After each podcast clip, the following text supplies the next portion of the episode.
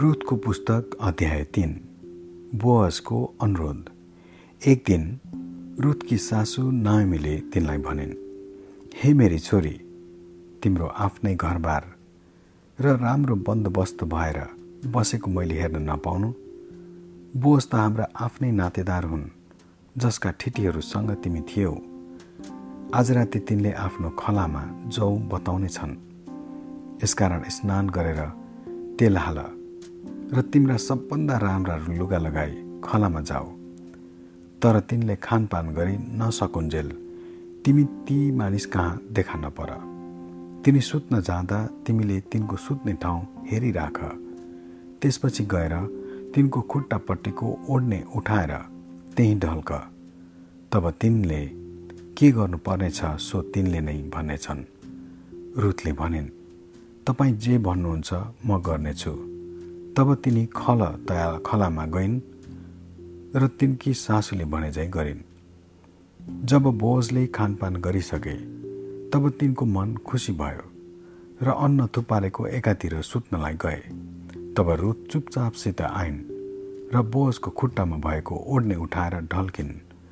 आधा रातमा केही कुराले ती मानिसको निन्द्रा भङ्ग भयो र एउटी स्त्रीलाई आफ्ना खुट्टामा ढल्किरहेकी तिनले देखे। तिनले सोधे तिमी को हौ? रुथले भनिन् म तपाईँकी दासी रुथ हुँ। अब तपाईँको लुगा आफ्नी दासीलाई ओढाइदिनुहोस् किनभने तपाईँ मेरा नजिकका छुटकारा दिने नातेदार हुनुहुन्छ।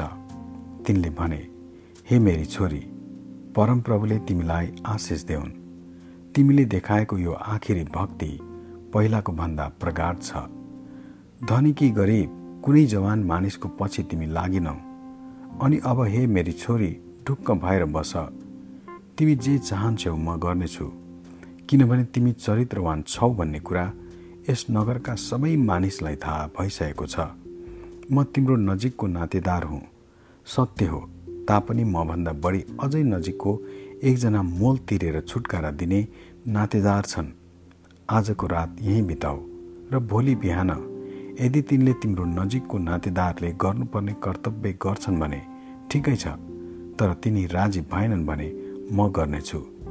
परमप्रभुको शपथ खाएर म यो भन्दछु। अब बिहानसम्म ढल्किरह। तब रुत तिनका खुट्टानिर बिहान नहुन्जेल ढल्किरहन्। तर मानिस ठम्याउन नसक्ने उज्यालोमा नै तिनी उठिन् अनि बोजले भने खलामा एउटी स्त्री थिइन्। भनी कसैले थाहा नपाओस् है। तब बोजले भने तिमीले ओडेको खास्टो थाप।